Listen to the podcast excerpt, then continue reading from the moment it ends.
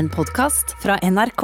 Jonis Josef er komiker, TV-serieskaper og skuespiller. Josef starta som telefonselger, er utdanna aksjemegler, men oppdaga tidlig i 20-åra at det var komikk han ville drive med. Siden det har han vunnet Gullruten for sin selvbiografiske serie Kongen av Gulset, starta eget produksjonsselskap, en ny humorfestival og en frisørsalong, for å nevne noe. Dette er Drivkraft med Vegard Larsen i NRK P2. Jonis Josef, velkommen til Drivkraft. Tusen takk, så fengende intro du hadde. Jeg nevnte jo bare litt. Ja, men jeg synes det var bare hele musikken og oppbyggingen var veldig, veldig bra. Ja. Var du stolt? Veldig stolt, imponert. Ja, Mannen var fra Sarpsborg får til. Ja, Du blir mer imponert av meg enn av deg. Ja.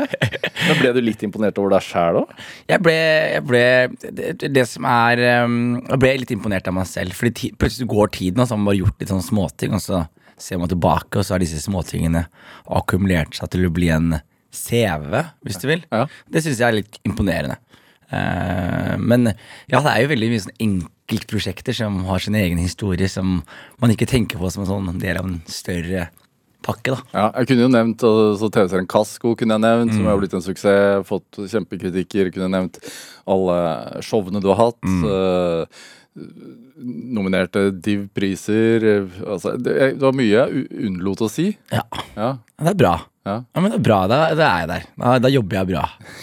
Håper du er stolt, mamma. Håper du hører det her, mamma. ja, ja. Eh, Men, men, men hvordan har du det i dag?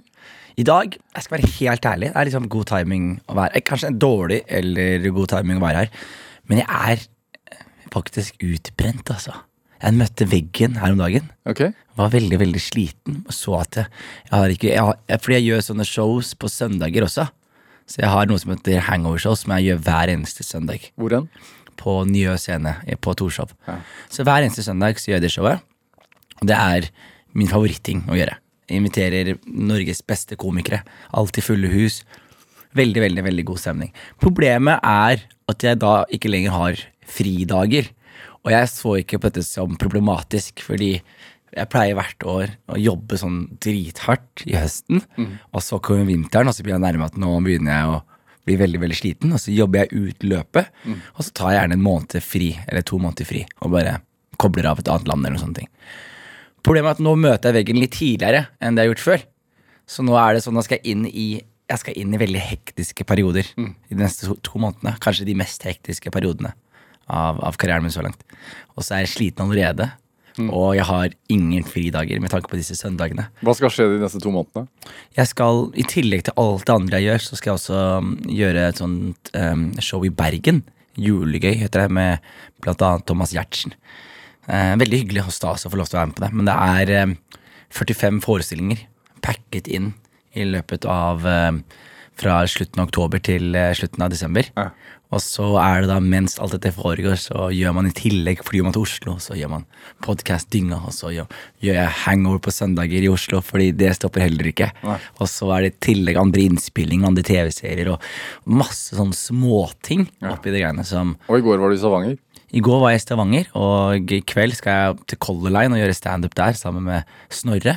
Og i morgen så skal jeg til Bodø og gjøre standup i Meløy. Så det er Man skulle ikke jeg tør ikke engang å åpne kalenderen og si hva jeg skal videre. Så det er ikke, det, det er ikke bare fryd og gammen, men fordelen med å jobbe så hardt er at det plutselig går det nå, da, og så sitter du på drivkraft, og så skryter noen folk av alt du har fått til, og så er det sånn Ok, nice at noen satte pris på en tur til Bodø. Men, men eh, når du sier at du for et par dager siden møtte veggen Ja. Men er det en overdrivelse, eller er, var det en faktisk det er en overdrivelse, tror jeg. Fordi jeg, jeg møter, Men- hører om andre folk som møter veggen. Ja. Og det høres ut som de har kjørt med en motorsykkel i full fart og krasjet inn i en vegg. Ja. Og må si, jeg har aldri sykemeldt meg, på en måte.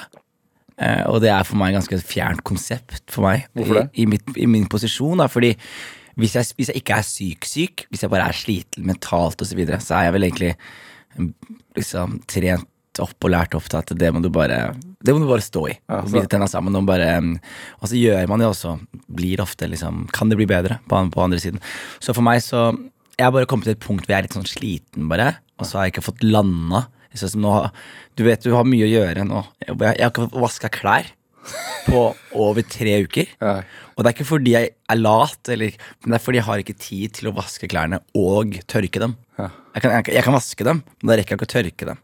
Så det, den der, eh, å ha flere timer for seg selv og bare slappe av hjemme, det har jeg ikke hatt på, på ganske lenge. Og det, når man ikke har det på en stund, og man ikke har denne søndagen heller, den ene dagen å koble av på, så, så skjer det et eller annet i kroppen som, jeg, som er ganske nytt for meg også. Det er bare at man er, sånn, man er konstant sliten. da.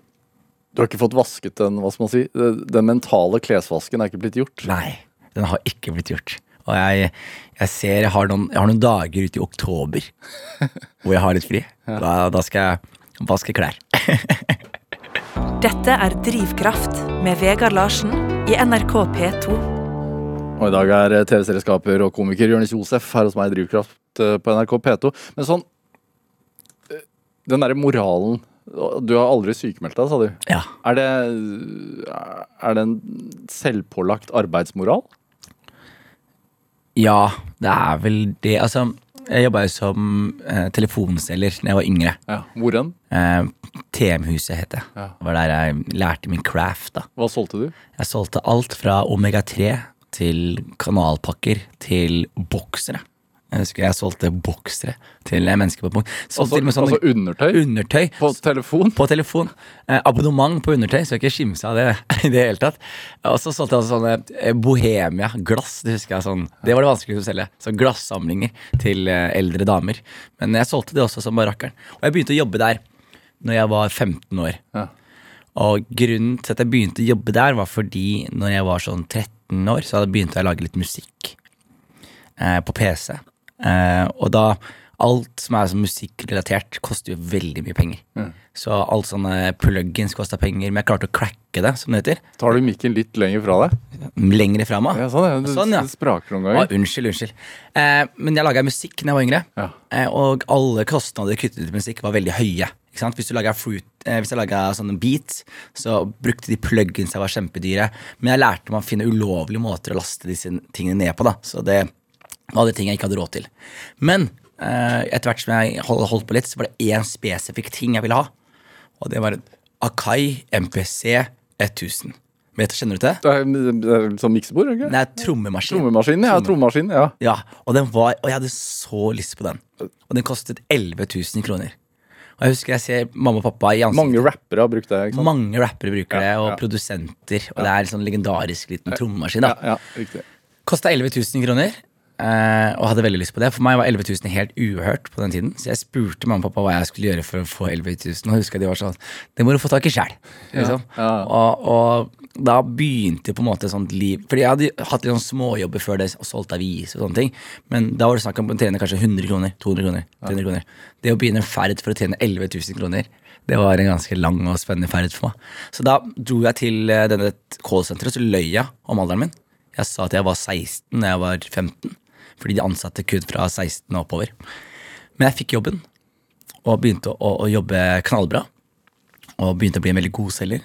Og innen jeg skulle få lønna mi, så skjønte de at jeg var 15 og ikke 16. Ja, for ja. fødselsnummeret mitt og sånn. Eh, Men da var det for seint, for da var jeg allerede inne og, og trivdes så godt og hadde blitt så god. Så jeg bare fortsatte å, å jobbe med det. Og så, Det er der på en måte det bygget ut. Er fordi Hva er hemmeligheten bak Hva? Hva er hemmeligheten bak å være god telefonselger? hemmeligheten bak å være telefons. Det er, det er så mangt, altså. Det er alt fra kroppsspråk til Men det er skjerm som er det viktigste. Ja. Du, må, du må få gjennom skjermen din få på telefon. Sånn som jeg hører nå, hvor, lite, hvor slapp jeg høres ut nå når jeg sitter sånn, sånn som det er. Ja. Og så hør nå. Ja, hallo, hallo! Det er Jonas Andersen som ringer fra Vesterålens Naturprodukter. Prater jeg med Vegard? Sant? Allerede der så har du mye mer lyst til å snakke med han fyren her. Eller kanskje legge på. Kanskje Ja, legge legge på. I 2008 så ville de ikke legge på, da. Eh, eh, Men det som var greia der, var at hvis jeg var syk, så fikk jeg ikke penger. Sant? Og hvis jeg kom på jobb, så, så fikk jeg penger. Så da var det jo bare Fra derfra ut så var det sånn du møter opp, du møter opp, du møter opp, du møter opp. Og i humor, standup-ting og sånne ting, så er det snakk om veldig mye større muligheter hver gang. Ikke sant? Sånn, ok, nå skal jeg den, denne jobben i Bergen, da, hvor jeg skal gjøre 40 Det er veldig lukrative jobber. Ganske mye penger det er snakk om. Og da er det sånn derre Thomas Giertsen, legende. Thomas Giertsen, legende, kan jobbe tett på han. Få, så du sier jo selvfølgelig ja, ikke sant? Fordi det er, og så må du liksom bare bite tenna sammen og, og faktisk gjennomføre det. Og jeg tror at de som kan si nei og sånne ting, de, de har et veldig sånn sunt forhold til sin egen økonomi og sin egen framtid. Sånn, jeg føler at jeg er her på lånt tid, da, og jeg må kapitalisere på de mulighetene jeg får. på en måte. Ja. Hvorfor har du den følelsen? Fordi du gjør det jo bra. Ja, men det er det der evige bedragersyndromet som alle bærer på, da. Det er den følelsen av at man, man gjør noe, og man skjønner egentlig selv sånn Ok, når jeg gjør standup eller når jeg skriver og så, videre, så skjønner jeg jo hvor dårlig jeg egentlig er. Um, som er Det er kanskje bunner litt i selvtillit osv., men når du ser de beste av de beste hele tiden, og du ser de beste filmskaperne, og du ser de beste serieskaperne, og du ser de beste standup-komikerne, og du sammenligner deg selv med dem, og jeg tenker sånn Åh, jeg er ikke helt der. Det er veldig lett å utvikle form for bedragersyndrom. Og når man har bedragersyndrom, så er det veldig spesielt, fordi du får inntrykk av at folk liker deg, men du er sånn Ok, de liker meg nå, men kanskje de ikke liker meg hvis de hører meg snakke litt mer, eller de, de ser meg to ganger til. Så man føler man er på lånt tid. Spesielt etter hvert som man får en del muligheter. Så blir man sånn, ok, da må jeg i hvert fall si ja til å bli med Lars Monsen på tur, og jeg må si ja til å jobbe med Thomas Giertz. Og jeg må bare si ja til disse tingene her, fordi om fire år så er, det, er, de, er de ikke interessert i meg lenger. Ja. Tror du den forsvinner noen gang? Bedragersyndromet. Ja. Jeg snakket med Dennis Storhøy, ja. Skuespilleren? skuespilleren, om dette her. Og han er jo en veteran om skuespiller. eh, Over 60 år og holdt på i mange mange år. Vært i, var til og med i Hollywood på 90-tallet med Antonio Banderas. Ja, ja, i vikingfilm. Vikingfilm, ja. The 13th Warrior. Han er jo en legende, og han spilte med meg i, i Kasko. Og da husker jeg at jeg snakket om dette med bedragersyndrom. da og så, snakket, og, han, og så spurte jeg han om det liksom, kommer det noen gang til å forsvinne. Så sier han nei. han, bare, han føler fortsatt på det. Hver gang han skal på jobb, eller hver gang han skal til og med bare møte oss amatørskuespillere, så føler han på en form for bedragersyndrom. Og, og det vitner om at Jeg tror det er sunt ja, med bedragersyndrom. Fordi det er en komiker som sa det også. Vet du hvem som ikke har bedragersyndrom? Bedragere. ikke sant? Som er, som er et godt veldig poeng, da. point, ja. Det er veldig on point, og det, det får deg til å tenke litt. Altså, jeg tror det bare er en forsvarsmekanisme. Men sånn som Bekasko når du har skrevet manus selv, Ja. og spiller hovedrollen selv, Mm.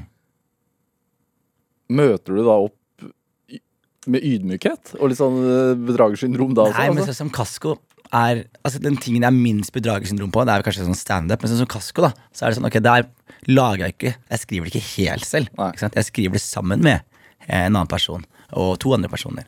Og, og når jeg spiller, så veit jeg hvor mye regissøren sier til meg og gjør for meg for at jeg skal kunne spille så bra som overhodet mulig. Eh, så jeg vet at det er et stort apparat med mennesker som får meg til å funke.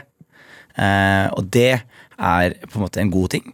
Men samtidig så er det også med på å underbygge bedragersyndromet. Fordi du blir sånn Å, det er ikke pga. meg det her funker. Det er pga. hun eller han eller det eller dette eller denne strukturen. Men hva strever du mot, da? Um, evig rikdom. Nei, men det er, det, er veldig fascinerende det man strever mot, fordi jeg hadde jo alltid liksom i, Når det kommer til humor og sånne ting, så setter jeg alltid sånne mål for meg selv. Hva var det første? Første målet jeg hadde, var eh, å leve av standup. Det var sånn, Jeg tenkte i hodet mitt sånn Hvis jeg kan leve av standup, så er alt good. Da driter jeg i alt annet. Det er bare Hvis jeg kan leve av det, om jeg, om jeg så bare tjener 300 000 i året, så kommer jeg til å være lykkelig. Når var det 2014? Det var 2014. 5. mai 2014 så sto jeg standup første gang. Eh, 27. august 2014 sto jeg andre gang. Hvor var første gang? Eh, Josefines vertshus Ja, for, for ærverdige Johnny K, som han heter. Ja. Som er standupens stand gudfar Ja. i, i, Norge. Og veldig flink til å ta tak i nye stemmer og få de opp på scenen og sånn. Veldig. Sånn, um, Ref nå at jeg er utbrent nå, da. Den som ringer meg, er Johnny. Og blir sånn Du, jeg er helt engstelig for deg om dagen. Går det bra? Skal vi ta en tur? Oi. Og gå en tur rundt Sognsvannet og bare prate. Så han er veldig omsorgsfull. Og, og, og kanskje et av de beste bekjentskapene jeg har fått i mitt liv. da Med tanke på hva slags dører han har åpna, og, og hvilken verden han har introdusert meg til da med denne standup-tingen. Så jeg gjorde da disse tingene her, og veldig tidlig så hadde jeg ikke noen sånne ambisjoner om å gjøre standup mer enn at jeg skulle gjøre standup. At jeg jobba som aksjemegler på dagtid, og så på kveldstid så gikk jeg ut, og så tar jeg på meg hettegenser. Og så er jeg standup-komiker. Litt sånn Supermann. Ja. sånn, det, var- det var min sånn ta seg eh, Supermann-drakta på, da. Og så gjør jeg dette her en stund, før jeg plutselig innser at å, det er dette her jeg virkelig vil gjøre. Jeg vil ikke gå rundt på jobben og, og selge og kjøpe aksjer og forvalte porteføljen min. Jeg vil få folk til å le og, og tjene penger på det. Eh, så jeg bare, da satte jeg et mål om å, om å få til det målet. Men det som skjer, er at du, du har et mål du jobber deg mot, og når du jobber mot det målet, det er da kroppen funker best. Liksom. Fordi da har du liksom Ok, jeg, jeg vil dit. Akkurat nå er jeg her, så det er veldig sånn tydelig retning på hvor du skal. Ok, For å gjøre det så må jeg stå vanvittig mye. Ok, Det var det jeg gjorde. Jeg sto hele tiden. Jeg reiste rundt i Norge og sto. Jeg betalte egne penger for å stå. Sånn, Du flyr til Ålesund. Kosta 1500 kroner flybillett. Booket hotellrom for 700 kroner. Det var 2200 down in the hall. Tjener 700 kroner på å stå den dagen.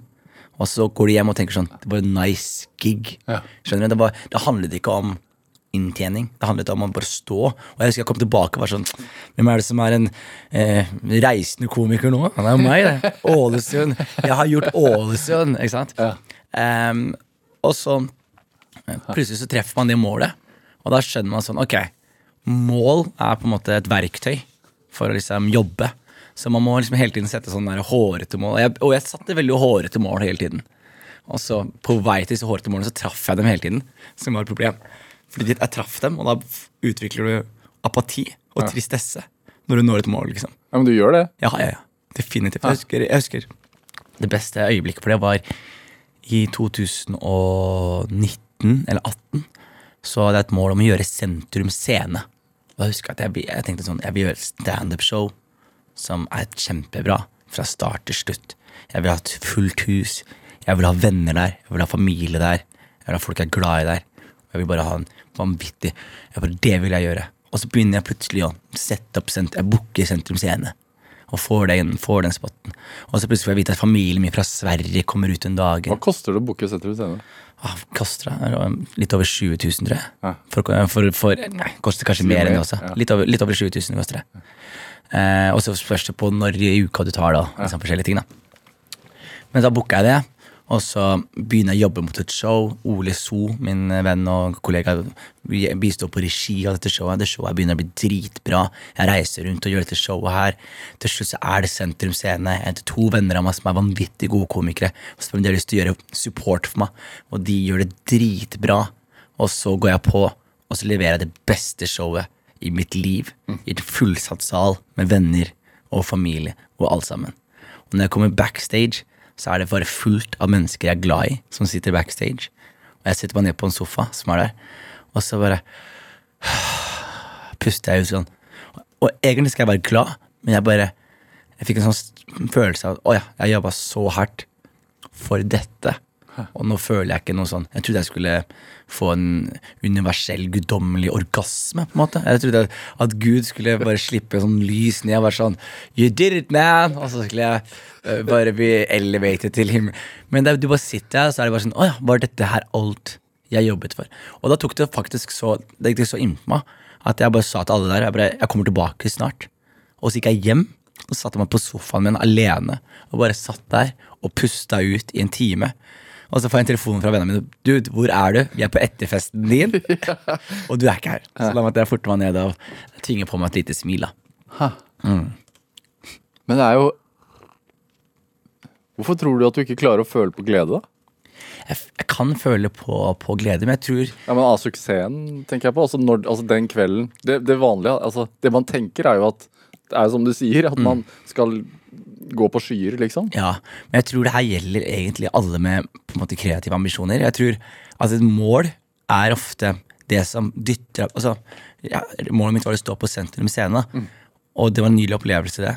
Men det som gjorde dette, dette målet her verdifullt for meg, det var det, det målet fikk meg til å gjøre. Som var å reise rundt i landet og gjøre et standup-show. Og mobilisere venner og ha energi og skrive og teste ting og bare holde på og prøve å bli så god som mulig og gjøre meg klar til den dagen. Så prosess. Prosessen er jo egentlig det som var poenget med det målet. Så, så, det, å, så det er samme som hvis du, hvis du er um, en um, La oss si Kasper Var, Karsten Warholm, da. Som var her i går, ja. ja, han var her i går. Ja. Ja, la oss si du er han, da. Ja. Eh, Og da er det sånn der, ok, du, når du kommer til målstreken, du er sliten og du ligger der, er det det som Er det det du jobber for? Eller jobber du for den spurten å ta igjen folk og virkelig vise deg fram. Og jeg tror det er det første. Det å sitte og være sliten og være ferdig og, og sitte i garderoben alene og ta av seg skoene og kjenne gnagesår. Jeg tror ikke det er det som Selv om målet er det, så er det løpet som er målet. Og det å være så god som mulig i, i gjerningsøyeblikket. Tror jeg, da. Jeg vet ikke hva han sa. Men, Fikk, fikk du noen gang kjøpt den der Akaien? ja. Og jeg husker veldig godt når jeg kjøpte den. Jeg bestilte den på finn.no. Ja. Fikk da hjem en boks til 11 000 kroner. Og jeg har den fortsatt. Den betyr utrolig mye for meg. Eh, Folk snakker om ordet affeksjonsverdi. Det er vel den tingen som har høyest affeksjonsverdi for meg. Fordi den symboliserer bare første blood money, som jeg kaller det. Jeg kalte det med blodpenger. Ja. Fordi det var penger jeg blødde for og jobbet for, og det var mine penger. Ikke en eneste krone fra mamma eller pappa eller onkel. eller Alle kronene kom fra meg og min evne til å selge omega-3 til eldre damer som heter Bjørg. Eh, Jeg var fantastisk god på det. Ja. Eh, Så ren symbolverdi. Ble det laget noe musikk, da? Det ble laget noe musikk. Hva slags musikk? Eh, Hiphop. Det finnes noen beats på internettet til de som. Hvis dere går på Soundcloud og skriver 'Vibes by eh, Jonix' med X på slutten, så er det min profil, og der vil dere finne noen beats som er over 15 år gamle. I, ikke noe vokal, bare, bare beats? Jeg rappa litt også, men jeg, jeg hadde så stygg stemme. Jeg har fortsatt stygg stemme, men jeg hadde styggere stemme da jeg var yngre. Så jeg, jeg, var så, jeg var ikke så god på Folk ville ikke høre meg rappe. Jeg er veldig god til å skrive rapp, da. Eh, Men jeg, ville jo også bli rapper. Det var det ikke noe tvil om. Ja, så tidlig hadde du et uttrykksbehov. Uh, Jonis Josef, vi, jeg syns vi skal spille litt musikk. jeg. Ja, Ja, uh, du har med en uh, Carpe Diem-låt før, før, Ja. før de ble Karpe. ja. Uh, kunsten å være inder, hvorfor det? Fordi det er den første låta som betydde noe for meg. Eh, Vi var på barneskolen, og da var det en kompis med oss som hadde Walkman. Og da husker jeg videregående, så hadde, nei, på ungdomsskolen, barneskolen, så sto vi i sirkel og bytta på hvem sin tur det var til å høre på den låta. Ja. Og alle pugga låta, kunne den utenat. Og for meg så var dette her første gang en immigrant i Norge um, på en måte befestet en form for identitet til oss andre med immigrantbakgrunn. Uh, og jeg husker jeg ble liksom stolt av å være utlending. Jeg skal være stolt av å liksom, «Ah, men jeg er annerledes, og det er gøy, og vi har et perspektiv.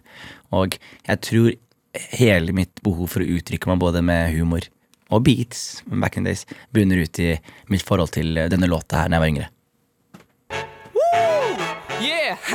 Nei, jeg har tatt dette verset her ganske mye a cappella live og sånn. Men eh, tenkte jeg på tide å putte på plate.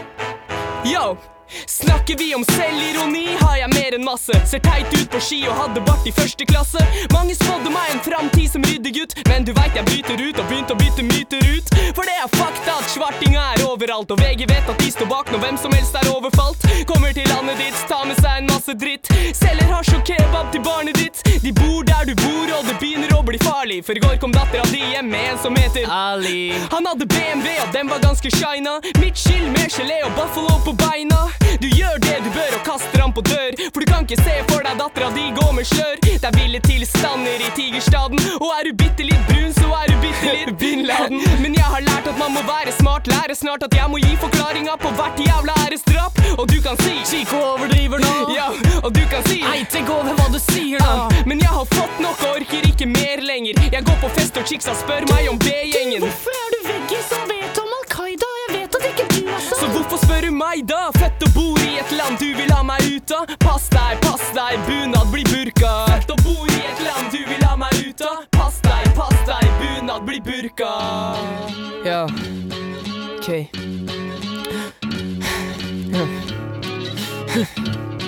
Ok, ja, ja, ei.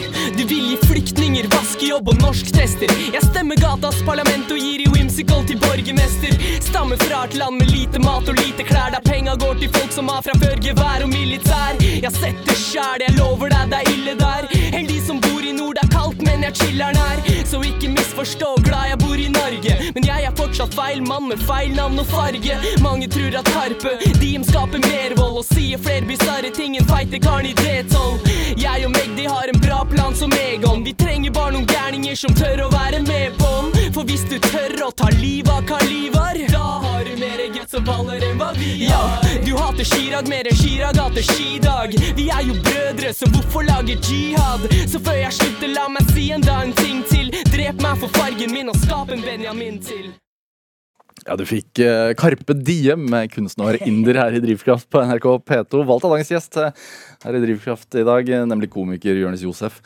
Du kan hele låten. Jeg kan hele låten fra start til slutt. Ja. Og det er, eh, det er ganske rart med de låtene der. Som bare, de sitter så jævlig godt. De, de, jeg vet ikke om det var Chirag her som rappa at eh, jeg, jeg har feil navn og har feil farge. Ja, Eh, har du følt masse på det? ja, ja. ja. Som en sånn kamp eh, Altså som en sånn eh, motivasjonsgreie, liksom? ja. Mm. Jeg husker Du bytta jo navn som telefonselger, eksempel. Ja, det gjorde jeg. Jonas Andersen. heter det.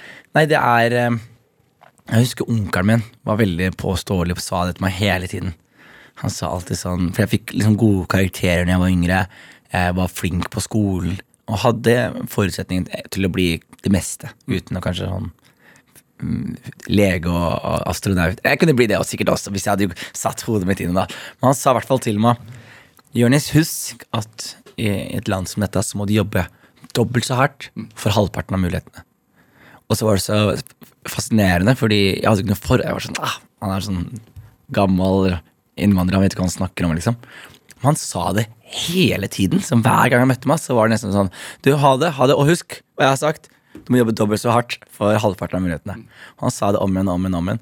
Og Han, fordi han hadde følt på det? han hadde følt på det og ville gjøre oss klare for, for et liv. Da. Han hadde veldig liksom, høye tanker og høye ambisjoner for oss.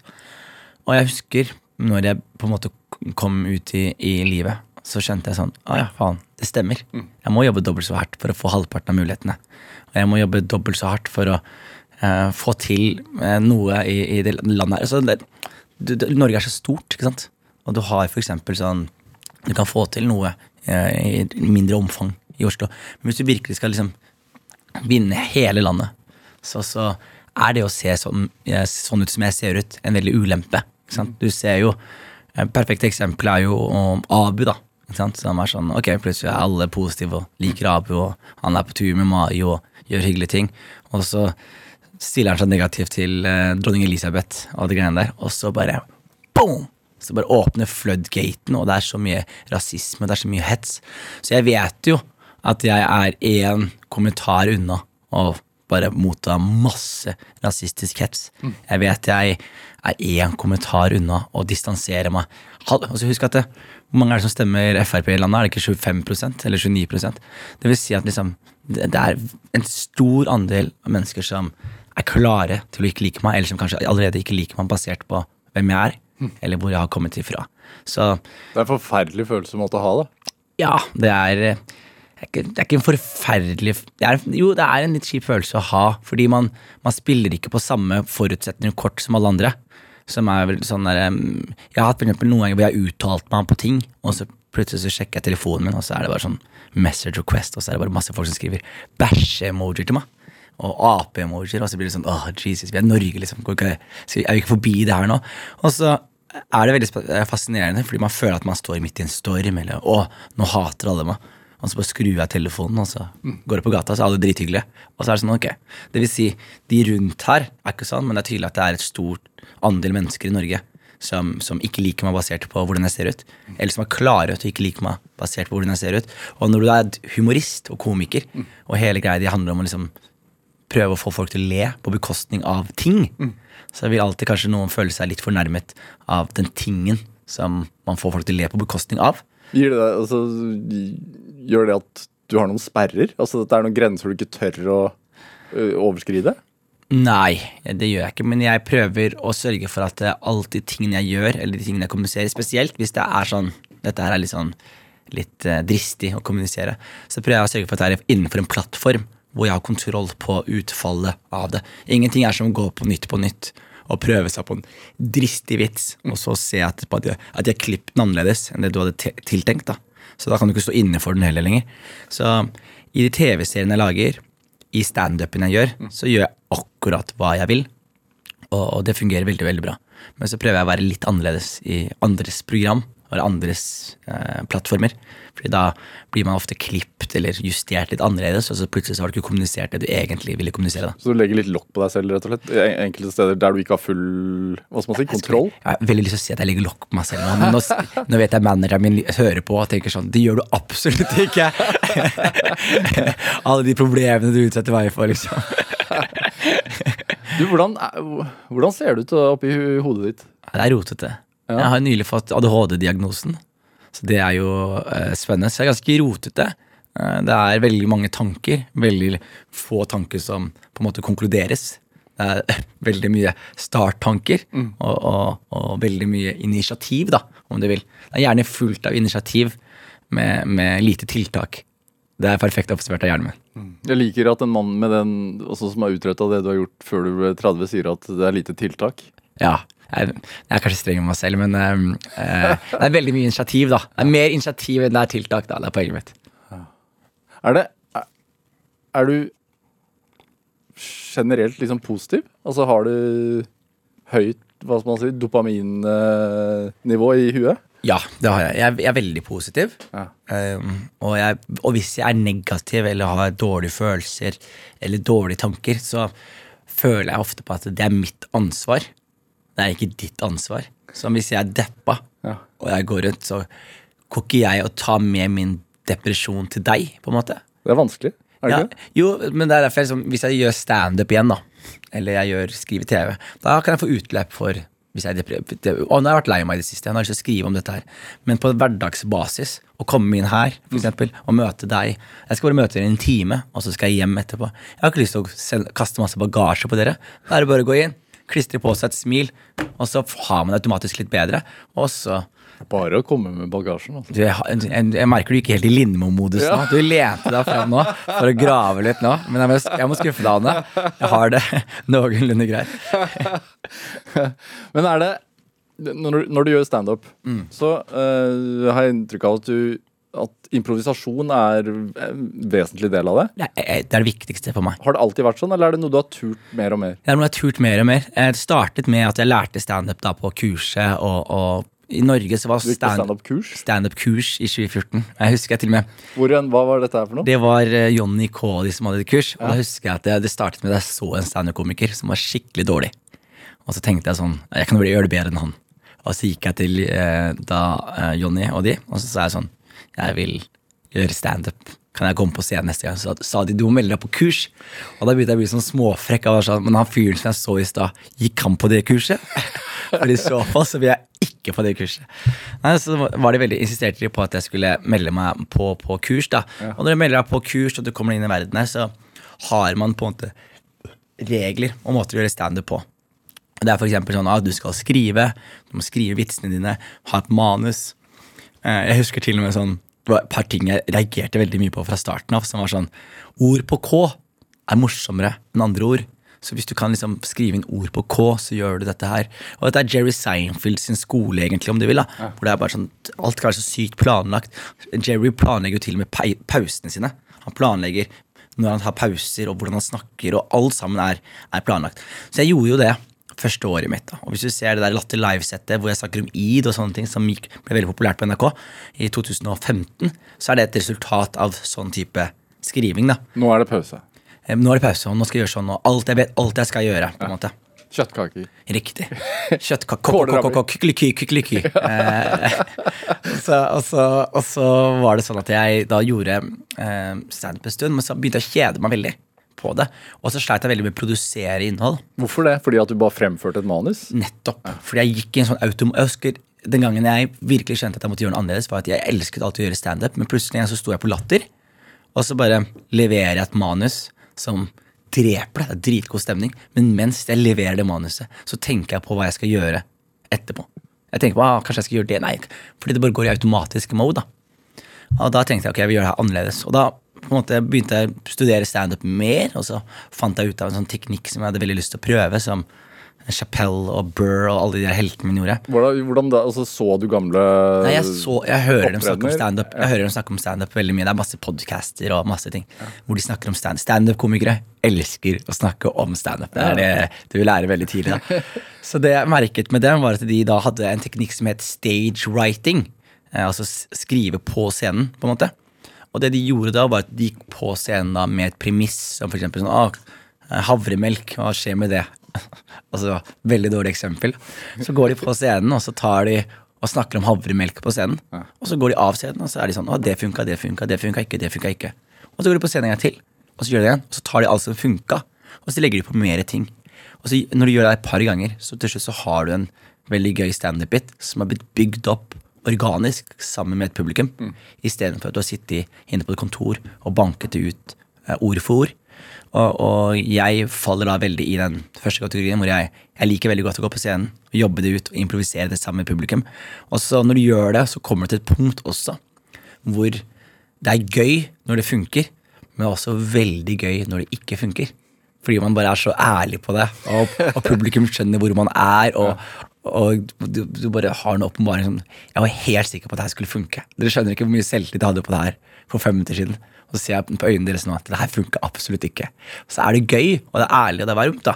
Så i en sånn improvisert verden finner jeg i hvert fall veldig utløp for, for min ADHD, for mitt kaotiske hode, og for eh, eh, min lyst til å være med mennesker på scenen. Veldig uredd, da. Veldig uredd på standup, ja. Det, det skal jeg ta på meg. Jeg, jeg, er veldig lite redd på standup og tør å gjøre egentlig hva jeg vil. Hva sier du til deg selv da, for at eh, du ikke gjør det til en altså, Hvordan overbeviser du deg om at ikke det er noe farlig? Jeg tenker at folk har betalt penger for å se meg. Ja, Det er jo skummelt. Ja, men jeg tenker de, de har betalt penger for å se meg fordi de syns jeg er morsom. Og jeg syns jeg er morsom. Så, og, og hvis jeg skal synes at jeg er morsom, så må jeg kose meg. Og hvis jeg virkelig koser meg, så vet jeg ikke helt hva som skjer. Så det å tørre å bare stole på at eh, det skal Og så er det også en erfaringsgreie, Fordi jo mer ganger man gjør det her, mer selvtillit får du på det også. Men så hadde jeg et dårlig show for noen uker siden. Eh, og da var det sånn her, ok, det var dårlig, men det var, utgangspunktet var fortsatt det samme. Jeg tok sjanser og tok risiko. Og eh, i ny og ne så vil man kanskje bomme på det, men de, få gang, eller de, få, de gangene man treffer, så, så får man veldig mye valuta for penga, da. Mm. Den selvtilliten din, er den det, det virker jo som om den er virkelig i bunnen. Den er konstruert først. Den er først konstruert. Uh, fake it till you make it var liksom en sånn, et uttrykk jeg virkelig eide og, og levde på. Men det som skjer, er at når du står veldig mye, og, folk, og, få- og, du, og du leverer gang du står, og du reiser rundt, og folk vil se mer, og du, og du føler du leverer, og så får du høre det etterpå at du leverer, til slutt så er det ikke noe tvil om at du leverer, på en måte. Og da kan, du i hvert fall vite, da kan jeg i hvert fall vite det. Da. Jeg husker På starten av standup-karrieren min så var det sånn Jeg var veldig god eh, på å liksom gå på scenen og gjøre minuttene mine, og så få og så drepe rommet, som det heter. Hvor det bare det er skikkelig god stemning, og alle lo, og alle koste seg. Og etter hvert så fikk jeg en sånn følelse av sånn Jeg husker jeg så komikere på scenen, og så er det min tur snart. Så er det sånn Åh, jeg gleder meg til de skal se meg. det er det mest arrogante setningen jeg har sagt, fullt av ekte selvtillit. Hvor det er sånn Jeg gleder meg til at de skal se meg. Og det sa jeg sånn helt oppriktig til meg selv. Og så gikk jeg på scenen, og så de koste seg. Så var jeg sånn Yes! Jeg, jeg visste de kom til å glede seg til å se meg. Og til slutt så får du en sånn følelse innabords om at det, jeg, akkurat på standup så føler jeg meg veldig, veldig, veldig mm, Jeg føler at jeg er god, leverer, og at eh, kommer du på showene mine, så er det veldig få som går ut skuffa. Og det er deilig å ha. Jeg har ikke så mye selvtillit på alle andre aspekter ved livet mitt som jeg har på, på standup. Men hvordan var du som barn, da? Veldig rar. Hva vil det si? Veldig jeg, jeg, jeg var veldig rar. Jeg var typen som mobiliserte nabolaget til å bli med på Pokémon-jakt. Fordi jeg hadde sett noen kattespor og trodde det var Pikachu, da, som hadde da bevandret seg inn i, i nøtteskogen på Gulset. Ja, så du var æsj? Jeg var Ash. Jeg var Ash Ketchum. Capsen bak fram, faktisk. Jeg husker en veldig god beskrivelse av meg som barn. En en episode fra barnehagen. Da husker jeg at um, jeg var veldig opptatt av at jeg skulle være selvstendig som barn. Jeg var veldig opptatt av at jeg skulle lage mat selv. Allerede i barnehagen så jeg gikk hjem og så laga jeg mat. Og jeg ville at mamma skulle lære meg å lage egg. Fordi det var veldig sånn, De kunne, Da kunne jeg bruke ovn. da. Det synes jeg er veldig stas. Og så hadde vi barnehagen et lite stykke som var i nabolaget vårt. Og på et punkt så var, insisterte jeg alltid på at jeg skulle dra til barnehagen selv. Sånn, Gi meg sekken og sykkelen, og så sykla jeg til barnehagen. Så jeg sykla til barnehagen jeg var sånn fire-fem år. Og, og en episode som virkelig stikker seg ut for meg, var eh, en episode om en som heter eh, Lene. En jente fra klassen. Hun var bestevennen min på, i barnehagen. Og eh, var veldig, veldig, jeg var veldig forelsket i henne på barnehagen også. Men hun hadde en gang hun kunne lese. Så hun leste en bok, og så samlet hun liksom altså Lærerne eller de voksne de samlet seg rundt henne, og alle elever, barna samlet seg rundt henne. Hun fikk oppmerksomhet. Hun fikk masse oppmerksomhet, og jeg har aldri opplevd på så mye frustrasjon i mitt liv. Fordi jeg var sånn, Hvorfor får hun all den oppmerksomheten? Og hun leser den boka, og folk klapper, og, og de barna er imponerte, og de voksne er så stolte. Og jeg bare sitter og koker i mitt lille hjørne. Og, og til slutt så tar jeg Karianne til siden av, som er en barnehagetante, og så sier jeg nå skal du lære meg å lese. Så hun, hun digga meg, så hun sitter seg ned og ok, hva skal vi gjøre oss å lese? Og hun begynner å lære meg alfabetet, og så tar det ikke mange dagene før jeg pugga det alfabetet, for jeg var så besatt av å gjøre det. Og jeg kommer da til, til skolen og jeg bare kan, jeg, jeg tror jeg kan lese nå. barnehagen min. Jeg tror jeg kan lese nå. Så sier hun sånn, kan du det? Så tar hun opp en bok, og så leser jeg noen ord. Hun bare, ja, du kan lese litt nå. Så sa jeg bra. Da samler du alle sammen. så da samler hun alle barna og, og alle de voksne. Og så sitter jeg inne i den sirkelen og så leser jeg den boka. og, og de voksne er stolte, og de barna er imponerte. Og det som er fascinerende her nå, er at jeg snakket om denne episoden her til terapeuten min. Og hun forklarer meg at det forklarer ditt behov for å stå på scenen. Eh, så jeg, som barn så har jeg alltid vært veldig oppmerksomhetssøkende. Jeg har vært eh, nummer to i en søskenflokk.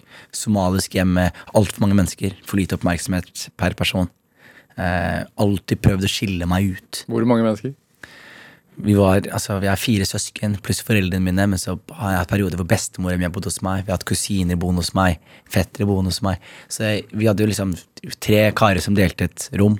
Eh, og sistemann det var én køyeseng, og så var det en madrass under køyesenga på et punkt. Så sistemann som kom, måtte dra ut den madrassen fra, fra Men det var jo Det var kamp om å legge seg først. Nei, det var det det ikke var. For la du deg først, så fikk du frastjålet enten pute eller en dyne.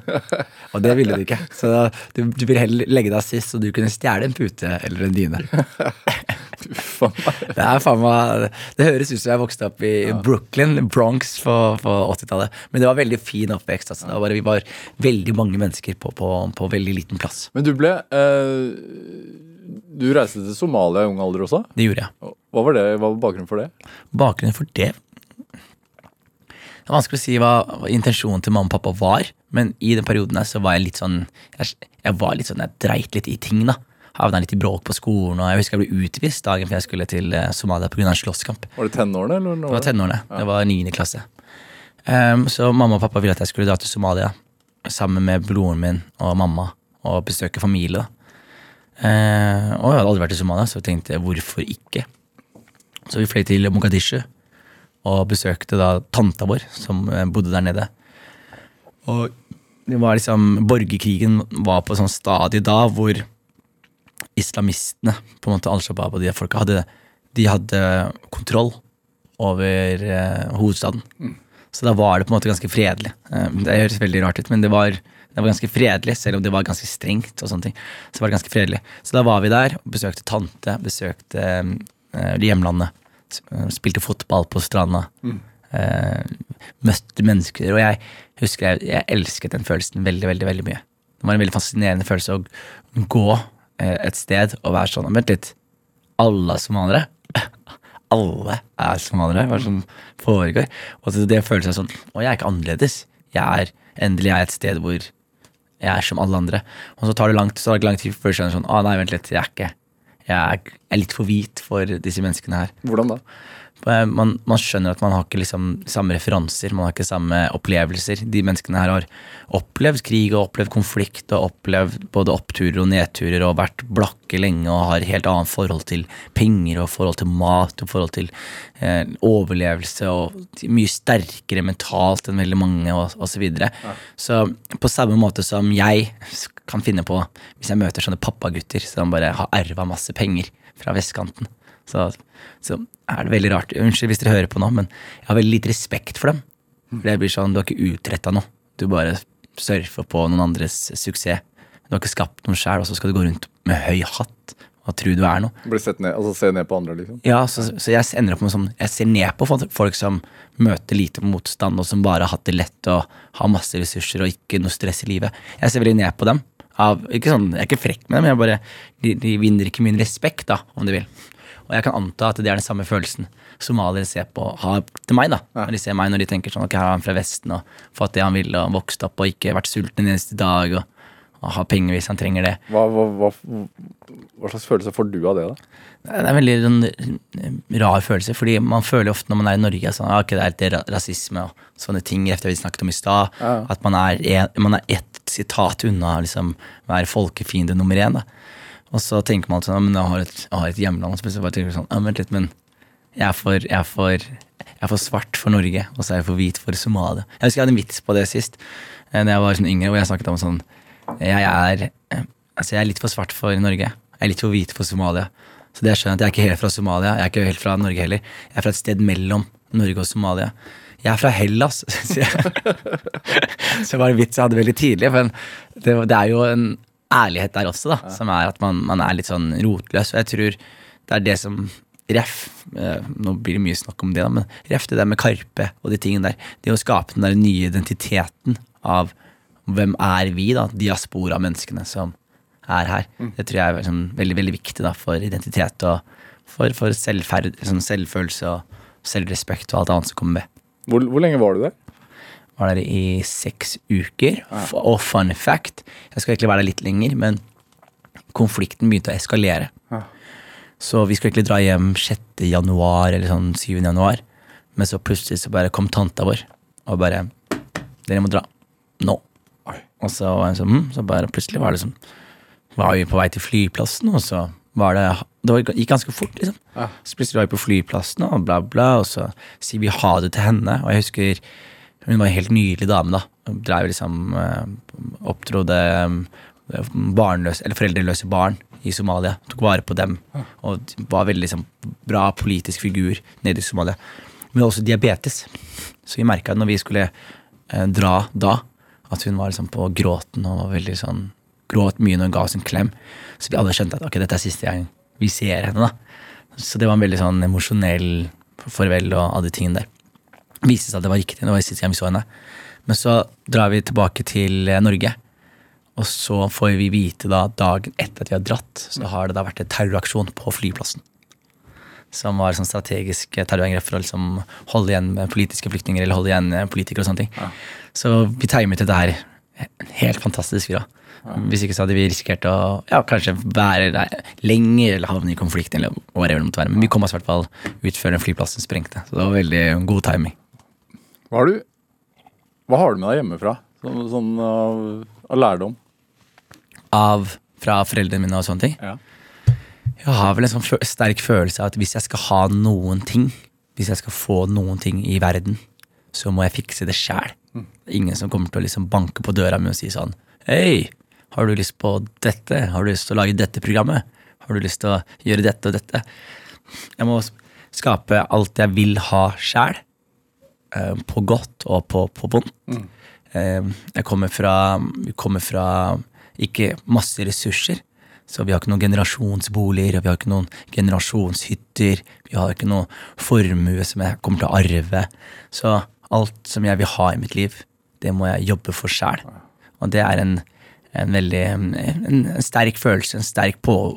Du møter veldig mange andre, eksempel mange norske venner, da, og du vet at alle de har en, et viss form for sikkerhetsnett. Ikke alle, selvfølgelig, det er veldig mange i Norge som ikke har det, men en del som har et viss form for sikkerhetsnett, som de vet sånn ah, ja, men når pappa og mamma sovner inn, så får jeg det, eller får jeg det, eller så kan jeg låne penger av dem til å gjøre dette. Jeg kan ta sikkerhet, jeg kan få låne penger til egenkapital til boligen min. Det var jeg glemt. Jeg måtte fikse alt det der sjæl. Hvor stolte er de? De er veldig stolte. Um, veldig, veldig stolte. Jeg tror det tok litt tid for dem å liksom skjønne hvilken retning jeg tok i livet. Da jeg valgte å liksom slutte, Slutt i alt. Ja, og bare plutselig skal gjøre standup på barer rundt i landet, liksom. Så det tar en sånn Når de ser på deg Ja, ja, sånn det gikk ikke så bra. eller, Og de er sånn Vi flykta fra Somalia for det her! Oh, shit, liksom. Eh, men, eh, men jeg tror de er ganske stolte når de ser at jeg har landa, og at jeg har fått til ting, da. Mm. Har du kjent på et ansvar? Ja. Føler på veldig mye ansvar. På forskjellige måter. Jeg føler på et økonomisk ansvar for familien min og for vennene, eller for vennene mine og for folk som har kommet fra samme situasjon som meg. Der um, jeg prøver å bistå folk økonomisk og hjelpe mennesker og um, lette litt på, på skuldrene deres. Som for øvrig er et problem for, for regnskapsføreren min også. Fordi det er så mye penger som skal lånes ut og holde på og sånn. Men jeg føler også på et stort ansvar for, for unge minoriteter i Norge. Jeg husker når jeg kom opp, så var det en innvandrerkomiker som jeg på en måte gleda meg til å jobbe med. Men så satte han liksom sånn kjepper i hjulet på meg og var vanskelig. Og så skjønte jeg ettertid at han var veldig sånn sjalu på meg og prøvde å sabotere for meg. Som er veldig sånn, en rar strategi å ha. da. Så jeg valgte etter det å liksom prøve å gå for den motsatte strategien. Og prøve å være sånn, ok, men eh, Det er samme som jeg husker når jeg slutta i finans. da så sa han der ene fyren som jobba som kommisjons Han jobba i sånn kommisjonsavdeling, var en sånn eldre mann som jeg alltid pleide å gå inn til. Og det var veldig fascinerende, for jeg hadde alltid sånne fine samtaler. Gammel, hvit mann som hadde masse erfaring som advokat og, og finansmann. Så jeg pleide alltid å gå inn til han, og han sa ett råd til meg. Og han sa sånn Husk, alle bransjer er som en rulletrapp. De du møter på vei opp, møter du på vei ned. Det sa han bare sa det så tydelig til meg. Og jeg tenkte jo at det her gjaldt finans, da. Men det gjelder i enda større grad humor. Og min verden her. Alle du er snille og fete med som er på vei opp. Når de kommer seg opp, så merker du at liksom alle de blir dritfete. Å, faen, Jonis har vært skikkelig snill med meg. Å, Jonis var skikkelig ålreit med meg. Så jeg prøver å være ålreit med folk, samtidig som at jeg prøver å Jeg har lyst til at det skal være et Humor-Norge før meg, og et Humor-Norge etter meg. Og at Humor-Norge etter meg har veldig mye mer farger og krydder og, personligheter. Er det derfor du også startet eget produksjonsselskap og startet egen humorfestival? Helt, helt riktig. helt riktig. Det er, alle disse tingene her handler eh, om Fordi jeg merka selv for min egen del ref det der at jeg må jobbes hardt for å få til noe sjæl. Og det er ingen andre som kommer til å gjøre det for meg. Men det betyr ikke at ikke jeg kan gjøre ting for andre. Som for eksempel, liksom, Hvis du er en ung utlending og du har masse talenter, men du ikke vet hvordan gangene her på NRK fungerer, eller ikke du vet hvordan radio- og podkast-verden fungerer, så har jeg lyst til å være personen som er sånn ok, hvis du gjør dette og dette og dette, og dette, så kan du lande dette og dette og dette. Og, og rett og slett bare være en eh, form for karriereveileder da, for unge mennesker fra min posisjon. Hvilke råd gir du de som spør deg, da? Jeg gir veldig mange råd. Det, det, det viktigste rådet jeg gir til alle sammen, er bare begynn. Fordi humor handler om Det er en erfaringsgreie. Og ingen starter som en perfekt komiker. Alle utvikler seg til å bli bedre og bedre og bedre. Så man må starte med én gang. Og så anbefaler jeg alltid å gjøre standup hvis det er humor som er målet. Fordi standup hjelper folk å finne sin, sitt humoruttrykk, på en måte. Og så er det basically bare bare stå, stå, stå. Og så er det man, man tror verden er så mye større enn det det er. Men jeg får med meg alle som blir gode. Altså, alle som blir gode i Oslo. Jeg vet, jeg vet at de har blitt gode før de, før de selv vet det. Altså, det er så lite mennesker alle snakker. Så det å bare stikke ut nakken, tørre å være der, tørre å, å prøve, det er det viktigste. Og, nå, og så veit jeg at du har tanker om å liksom ta det ut av Norge òg. Jeg har veldig lyst til å gjøre ting utenfor Norge også. Sånn, det, det handler om at det, en Unnskyld, Norge, men jeg, jeg, har, jeg har et sånn lite, Jeg har et li- lite respekt for liksom, det norske folk som en samlet gruppe sin smak. På, på, hvis du ser på eksempel musikk, da, så er det sånn All respekt til disse største musikerne, men de musikkene, musikkene som er mest populære, er jo det er russelåter. Det er russelåter, og det er rai rai og faen meg øl i pizza-låter. Ja.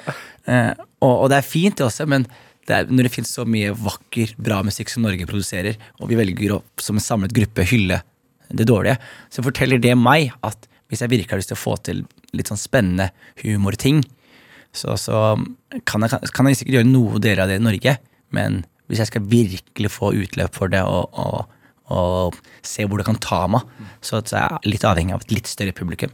Og heldigvis for meg så vokser jeg opp i en tid hvor det er kort vei fra, fra Norge til, til, til verden. da. Er det USA vi snakker om? USA vi snakker om. Jeg tror jeg skal flytte ned litt. jeg. Vi se. Kanskje drivkraften min tar meg til eh, California. Men er det jo sånn Er standup uh, et steg på veien? Er det liksom, går du mot mer produksjon, mer vet- det som er greia for meg, er standup. For meg er det jeg alltid kommer til å gjøre. Det er veldig mange som bruker standup som et springbrett inn til veldig mye annet. Det gjelder ikke meg. Alt godt som har kommet i mitt liv, har kommet som et resultat av min standup. Ja. Så jeg kommer til å holde det ved like til Richard Pryor. Han døde jo da han var i 70-åra. Men han ble jo rulla ut på scenen mot slutten der. Og var fremdeles morsom. Han var fremdeles morsom. Han rulla ut på scenen og bare I used to fuck bitches. Og så er det bare sånn helt sånn Helt legendarisk. Eh, og det finner jeg inspirasjon i. Jeg, bli- jeg skal bli rulla ut på scenen på, på slutten.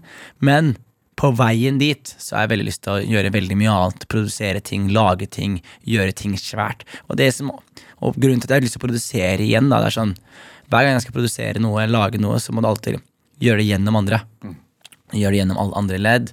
Og, og jeg tror at ordentlig likestilling når vi kommer dit, da, er også at man har folk med minoritetsbakgrunn i alle ledd, inkludert alt fra Kringkastingsrådet til den produsenten som ender opp med å selge dette spesifikke produktet. Jonis Josef, hva tenker du er, er drivkraften oppi det hele? Jeg tror det er eh, eh, frykt. Ja, frykt for hva? Frykt for å bli avslørt, frykt for å ikke fylle ut potensialet sitt, frykt for å ikke være en god sønn, frykt for å ikke være en eh, person folk kan eh, lene seg på, og frykt for ikke være en god versjon av meg selv. Hvordan føles det? da? Helt jævlig! Helt forbanna jævlig! Jeg har ikke vaska klær på tre uker, bro! Det, det, det får bli siste, siste ord i dag. Uh, Jonis Josef, tusen takk for at du kom til Drivkraft. Tusen takk for at jeg fikk være her. Hør flere samtaler i Drivkraft på nrk.no eller i appen eh, NRK Radio. Send oss gjerne ris og ros og tips til mennesker du mener har drivkraft. Send den e-posten til drivkraft.krøllalfa.nrk.no. Vi hører veldig gjerne fra deg. Produsent i dag var Kjartan Aarsand, og Camilla Bolling Muir bidro med research til denne sendinga. Dette her, dette var Drivkraft. Jeg heter Vegard Larsen. Vi høres. En podkast fra NRK. En morgen i begynnelsen av november i fjor kom en mann løpende ut av leiligheten sin i Thereses gate i Oslo. Mannen som ble skutt og drept av politiet i formiddag. Han var skuespiller, han var bryter, han var danser. Altså, sånn en av de mest talentfulle karene jeg har møtt. Hvem var denne mannen? Hvem var Rustam Louis Foss? Og hvorfor måtte livet hans ende sånn på et fortau på Bislett? Mannen i Thereses gate hører du først i appen NRK Radio.